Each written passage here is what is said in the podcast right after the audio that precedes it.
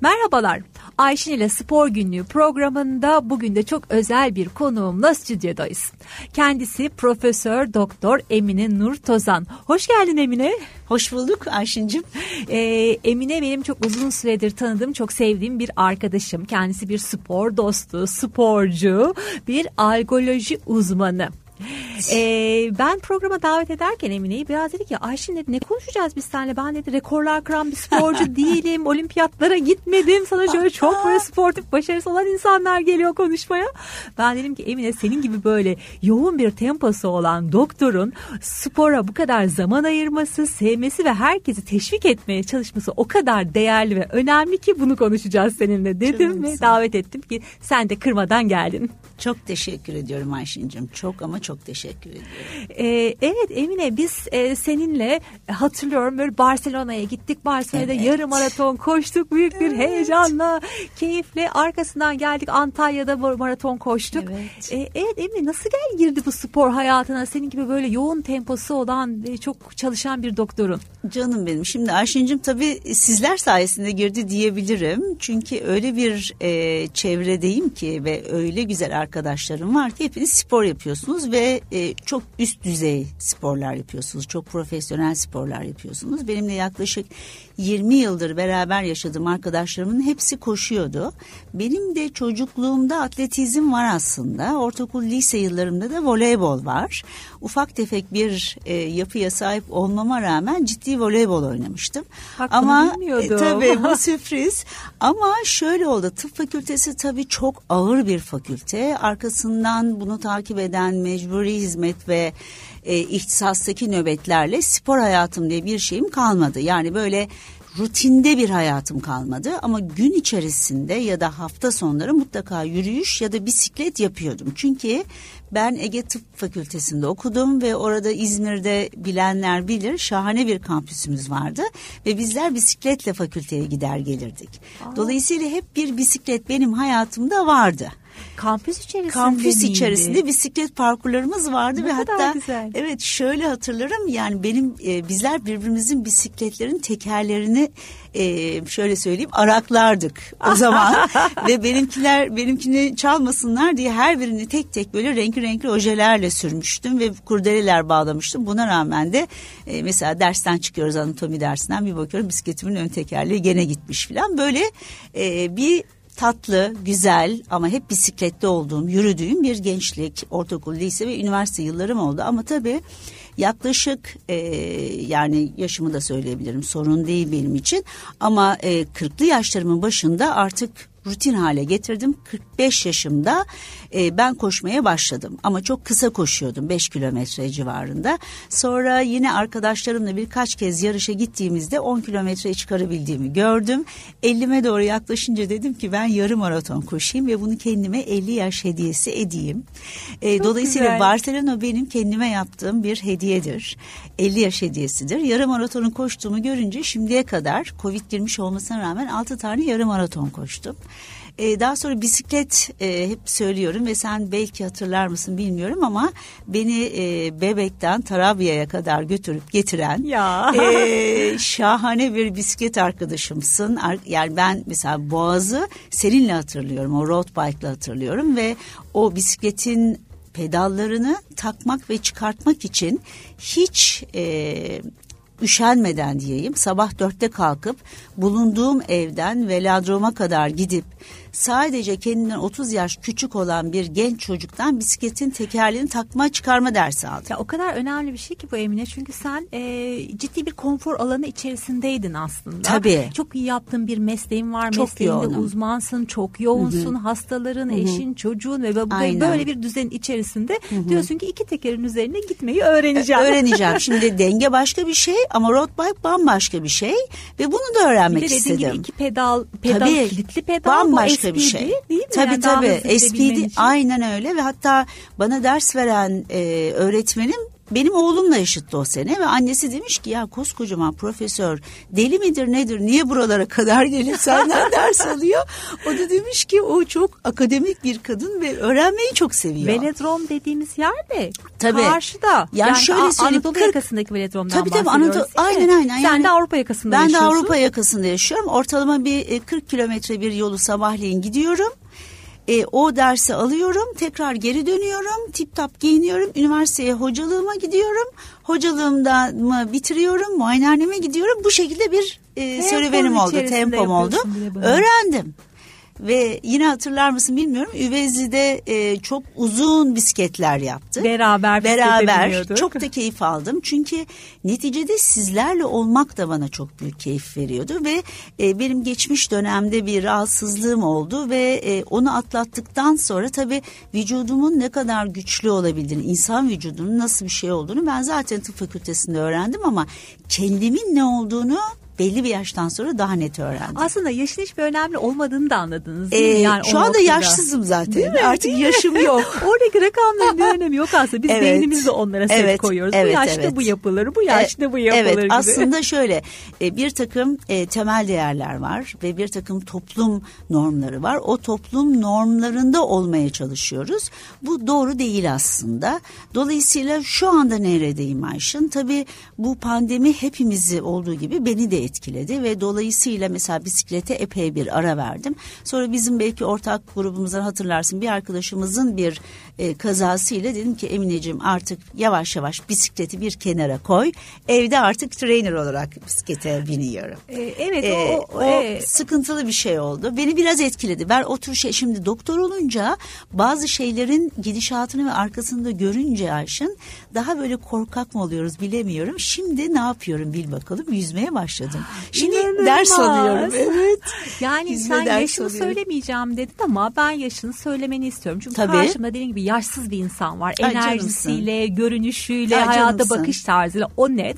Ama birçok insana örnek olması açısından tabii. yaşını söylemeni tabii, de istiyorum. Tabii tabii. bunu ben söylüyorum. Söylemekten evet. hiç ben 1966 doğumluyum ve e, şu anda 63 kalayım.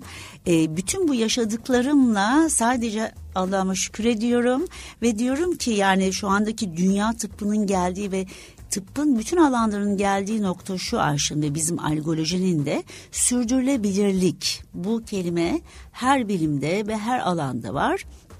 Dolayısıyla şu anki yapabildiklerimi Allah'ın verdiği ömürle sürdürebildiğim kadar sürdürmeye çalışıyorum ve bu konuda rol model olmaya çalışıyorum. Ve şu anda bu yaşında sen yüzme dersi alarak Alıyorum. Tabii, tabii, hayatına yeni bir deneyim daha katıyorsun. Tabii şimdi İzmirliyim aslında suda büyüdük, denizde büyüdük ve yüzdüğümü zannediyor idim. Ta ki oğlum beni videoyu çekene kadar baktım ki ben sadece suyun üstünde kalıyormuşum. Gidebiliyorum da. Gidebiliyorum da dedim ki ben bunu e, teknik olarak öğreneyim. Araştırdım. Çok değerli bir öğretmen buldum. Şu anda büyük bir sabırla onu da sabahleyin çok erken bir şekilde e, o dersi de alıyorum. Haftada bir gün alıyorum ama ikiye çıkmam gerekecek galiba. Dolayısıyla okuyorum. Yüzme tekniğiyle ilgili videolar YouTube'dan videolar izliyorum ve yeni bir şeyler hem vücudumla ilgili öğrenmeye çalışıyorum. Bunları hayatıma katmaya çalışıyorum. Tabii ki beyin sağlığımız hepimiz için geçerli bu ruh sağlığımız ve beden sağlığımız bütün bunların hepsini bir kombine hale getirmeye çalışıyorum. Ee, sen aslında zihnini, beynini aktif tutuyorsun sürekli evet. öğrenmeye. Çünkü yaptığın iş bunu gerektiriyor. Evet. Sürekli yeni araştırmalar, yeni güncel evet. şeyleri takip ediyorsun. Ama bununla birlikte bedenini de aktif tutuyorsun. Tabii, yeni tabii. beceriler öğretiyorsun bedenine. Rutinin tabii. içerisinde de kalmıyorsun. Kesinlikle. Şimdi şöyle bir şey var. Zaten e, Ayşin'cim bizim e, hayattaki kalışımızda bizi e, mutlu kılan dopamin hormonu, haz hormonu. Bu hormonu da sana salgılatan endorfin yani içindeki ağrıyı ortadan kaldıracak e, maddeleri de sana salgılatan aslında yaptığın bu dünyadaki bazı fasiliteler, bazı hareketler ve bunların başında spor var. Yani egzersizi e, hareketlilik başka bir şey, egzersiz başka bir şey. O egzersizin sana getirdiği bu iki tane hormona bağımlı hale geliyorsan günün sonunda bu artık sporu bırakamıyorsun, egzersizi evet. bırakamıyorsun. Evet, ee, güzel bir bağımlılık. Evet, güzel bir bağımlılık yani. Aynen. Ee, şimdi Emine buradayken sağlıktan konuşmadan geçemeyiz tabii ki. ee, kendisi bir e, dedim ya sporcu dostu ve daha sağlıklı bir toplum olalım, daha hareketli evet. bir toplum olalım diye çalışan, gönüllü olarak çalışan da birisi. Aynı zamanda biz kendisi Spor Gönülleri Derneği'nde de birlikteyiz. Ee, Emine şunu sormak istiyorum. Ee, sen alkoloji uzmanısın ve birçok insanın ağrılarını e, bir çözüm bulup sonlandırıyorsun. Evet. Karşına sporcular geliyor mu? Sporcular Tabii. nasıl, hangi ağrılarla geliyor? Hangi sakatlanmalarla senle oluyor? Şimdi şöyle bir şey oluyor. Ee, nasıl hareketsizsek bu bizim vücudumuzda bir takım hastalıkları çağırıyorsa çok çok çok spor yapmak, profesyonel sporcular dahil onlar da aslında benzer bir çizgi düşünün. İki ucunda aynı vücuda zararı verebiliyor ya, değil mi? maalesef. Burada bir şey altın çizmek istiyorum. Tabii. E, genelde e, bazı doktorlar da bunu söylüyor. Spor Hı-hı. sağlığa zararlıdır ve birçok insanın dilinde de spor sağlığa değil zararlıdır mi? cümlesi geçiyor. Ben buna inanmıyorum ama sen şu İnanma. an çok güzel onu açıklıyorsun.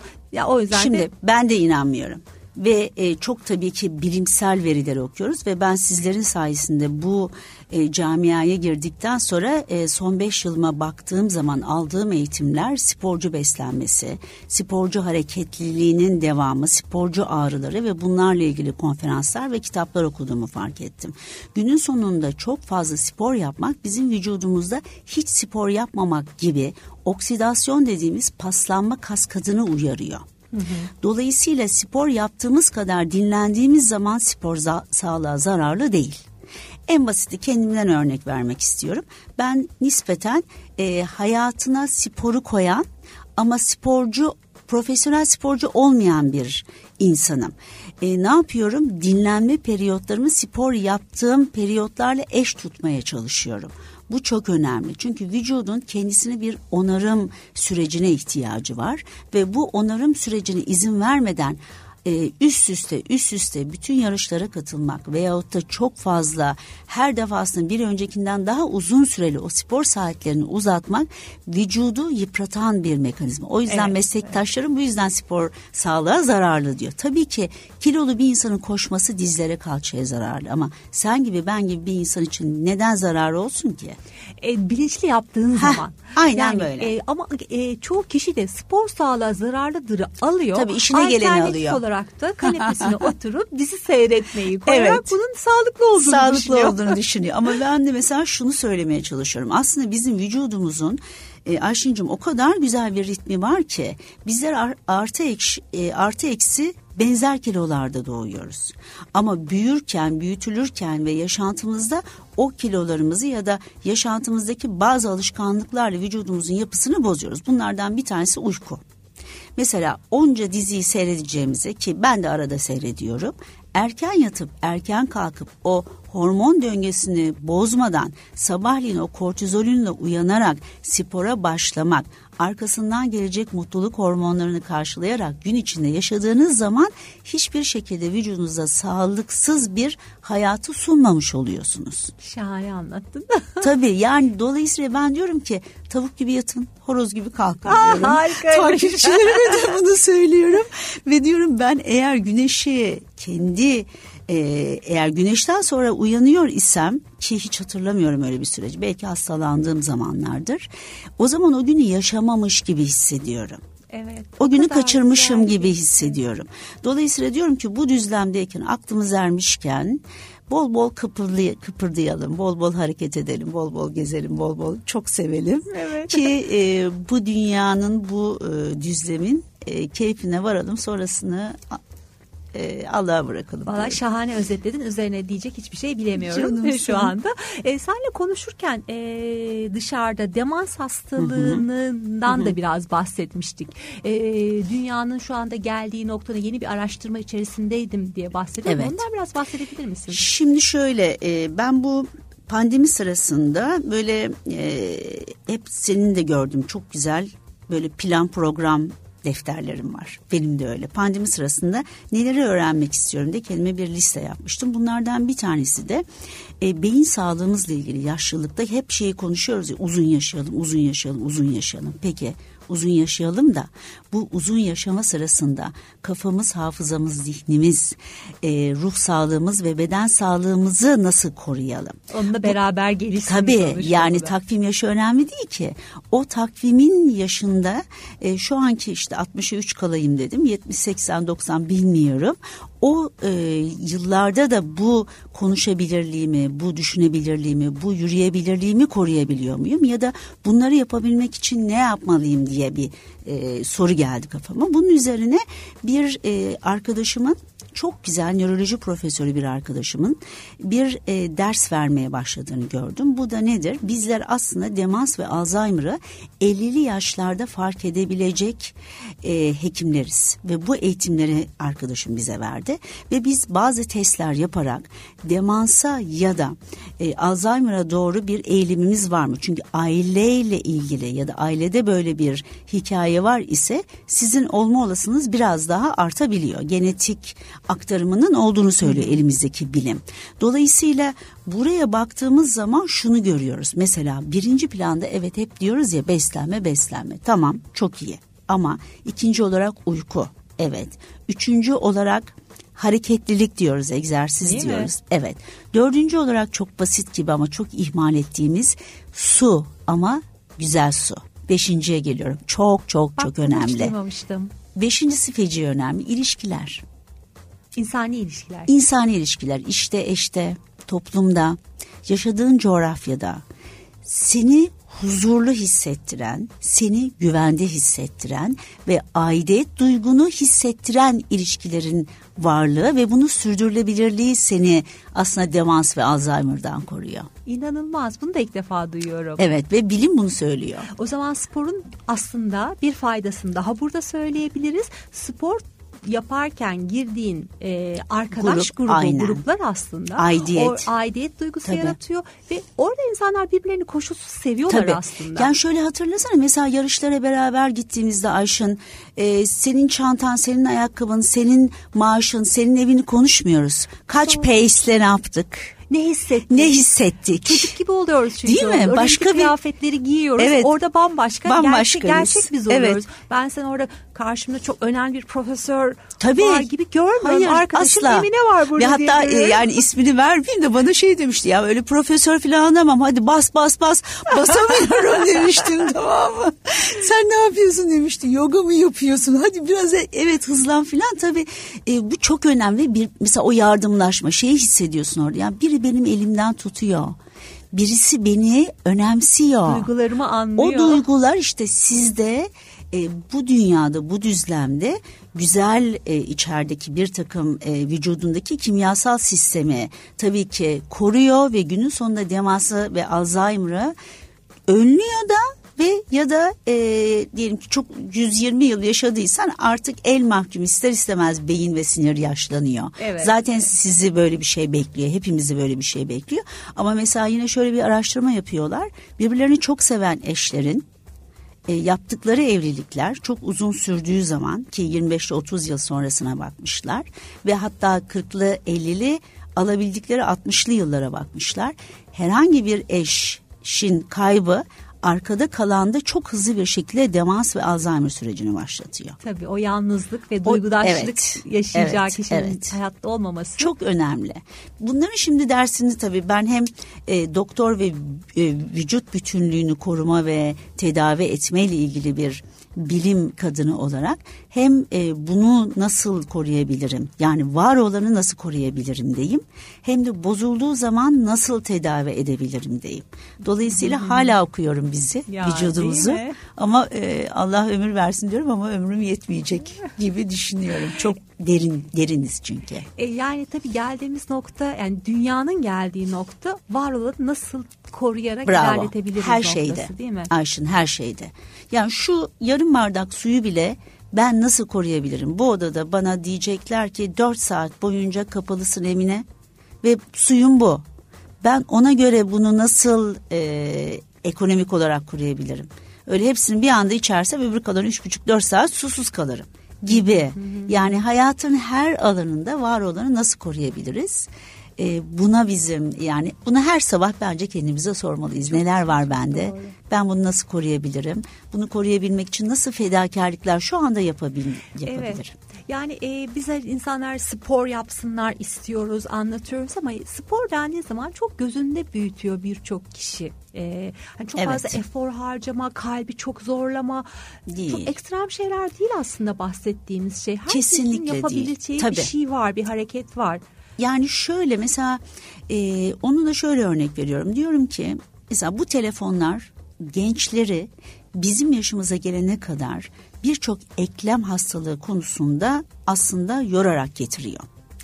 Ve e, diyorum ki bu kadar çok telefonlarla meşgul olacağınıza, başkaları ne yaptı diye bakacağınıza 24 saatin 2 saatine hadi bilemediniz bir saatini kendinize ayırın. Bir yarım saatçik bir yürüyün.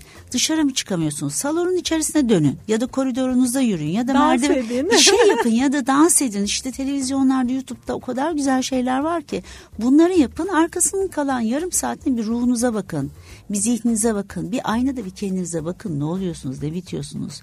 Değil mi? Bir boğazınıza bakın, ellerinize bakın. Bakın yani bir dilinize bakın. Renk değişimi var mı? Biraz kendimize bakmamız gerekiyor ve kesinlikle üşenmememiz gerekiyor. Biz birazcık üşengeç bir toplum olabiliriz. Öyle bir toplumuz demek olmaz ama olabiliriz diyorum. Kendimize bakmayı da çok bilmiyoruz galiba. E, maalesef öyle. Ya özellikle kadınlar. Evet, özellikle kadınlar. Benim mesela şu anda e, özel tababette hekimlik yapıyorum. Kadın hasta popülasyonum erkeklerden çok daha fazla. Kadınlarımıza hep şunu söylüyorum. Yani evinizdeki diyorum koltuk, evinizdeki halı sizin kendinizden daha değerli. İnanamıyorum ben. Yani siz hastalandığınız zaman bakın şu anda karşımdasınız. Demek ki bir rahatsızlığınız var. O koltukla o halı size bakmayacak. Siz kendi kendinize bakacaksınız ve biz toplum olarak şundan da korkarız. Ele güne, çoluğumuza, çocuğumuza muhtaç olmamak. E peki muhtaç olmamak için kendimize ne, Ne yapıyoruz? Bunun cevabını vermemiz gerekiyor. Üşenmememiz gerekiyor. Evet, evet yani birazcık da alıştığımız e, alışkanlıklarımızın, rutinde yaptıklarımızın dışına da çıkmak Dışına gerekiyor. çıkma. Mesela şunu da söylüyorlar özür diliyorum ben. Şimdi Aa hocam işte beş tane çocuğum var. Şimdi bu yaştan, yaştan sonra ben kalkıp yürüyüş, yürüyüşsem millet diyecek ki aa ne yapıyor? Niye? Senin gibi bir sürü arkadaşım var. Hep beraber çıkın yürüyün. Bir spor ayakkabısına bakar. Yani yürüyüş hele ki yürüyebiliyor isen bir sıkıntın yok ise yapılabilecek en kolay spor. Peki o zaman e, Profesör Doktor Emine Nur Tozan'ın bir günü nasıl geçiyor? Veya bir haftası. Şimdi şöyle ben e, 1 Ocak ve 31 Aralık'ı her sene programlayan bir kadınım. Ve e, kongrelerim, sosyal hayatımdaki yapacaklarım, izinlerim vesairelerimin hepsini programlıyorum. Ve pazartesiden ve bunu aylara da bölüyorum ve pazartesiden pazar akşamına kadar da programlıyorum. Çok erken kalkıyorum. Benim ortalama kalkış saatim 5.40. E, bazen 6 oluyor. E, haftanın her günü bir gün hariç o da perşembe günleri benim işlem günüm. Haftanın her günü mutlaka sporum var. Ya yüzmem var ya e, ağırlık egzersizim var ya da koşu yürüyüşüm var. Ya da her fırsatta yoga yapmaya çalışıyorum. E, daha sonra tabii günümün yaklaşık üçte biri çalışarak hekimliğimle geçiyor, doktorluğumla geçiyor. Anneyim, e, arkadaşlarım var. Onlarla beraber e, akşamları bir şeyler yapmaya çalışıyorum. Çok kitap okumaya çalışıyorum ama her fırsatta gezmeye çalışıyorum. Ben seyahati çok seviyorum. Şahane. Yaşam enerjisinde seyahatlerden Evet oluyorsun ve değil mi? giderken de Ayşin ister konferans olsun ister e, arkadaşlarımla, eşimle, dostumla gezmem olsun. Önce spor ayakkabılarımı koyuyorum. E, yapacağım spora göre işte şimdi yeni yeni mayomu koymaya başladım. Yüzmeye başladığım için gözlüğümü bonemi koyuyorum. Ve mutlaka işte e, spor kıyafetlerimi koyup daha sonra üzerine konferansta ya da seyahatte giyeceğim kıyafetleri koyarak artık bavulumu hazırlıyorum diyebilirim. Ama çok seyahat ediyorum. Seviyorum. E, bu kadar yoğun temponun içerisinde de planlı bir hayat yaşadığın Evet. için de hepsini Y- sığdırabiliyorsun. Yetişmeye çalışıyorum. Evet, bunun aslında sırrı zamanı güzel planlayabilmek Evet. geçiyor Evet, herhalde. evet, evet. Önceliklerini koyup, öncelikle neler yapmak istediğini belirleyip ona göre hayatını biraz akışında değil de hani Evet. biraz kontrollü akışında Şimdi bırakmak. mesela e, ben benim algoloji eğitiminin altında Ayşin e, anestezi ve yoğun bakım eğitimi vardı. Yoğun bakım eğitiminde şöyle bir e, triyaj sistemi vardır bizde. Artık siz bu terminolojilere hakimsiniz. Öncelikli ve önemliler listesi. Benim hayatımda bu her gün var. Öncelik nedir? Önemli olan nedir? Ben ona göre kendimi şekillendirir ve planlayayım. Mesela bugün benim öncelik listemde sen vardın. Ay çok teşekkür ederim zaman Ee, ayırıp geldin. Asıl ben teşekkür ediyorum. Dolayısıyla sana göre ben bugün programımı, e, günlük programımı değiştirmek durumunda kaldım. E, dolayısıyla benim için öncelikli sen ve önemliydin de bugün benim için. Çünkü çok, teşekkür kıymetlimsin ederim. ve e, çok da güzel bir program yapıyorsun. O programa davet edilmek de beni tabii çok e, mutlu edeceği için böyle bir şey. Bugün hem öncelikli hem önemli aşina oldu. Çok teşekkür ederim geldiğin için. Ee, çok güzel de bir sohbet oldu. Ee, geldiğin için ben de çok teşekkür ediyorum. Canımsın. Ee, yeni yarışmalarda, yeni İnşallah. aktivitelerde görüşmek üzere diyorum. İnşallah tekrar teşekkür ediyorum. Sevgiler. Kolay gelsin.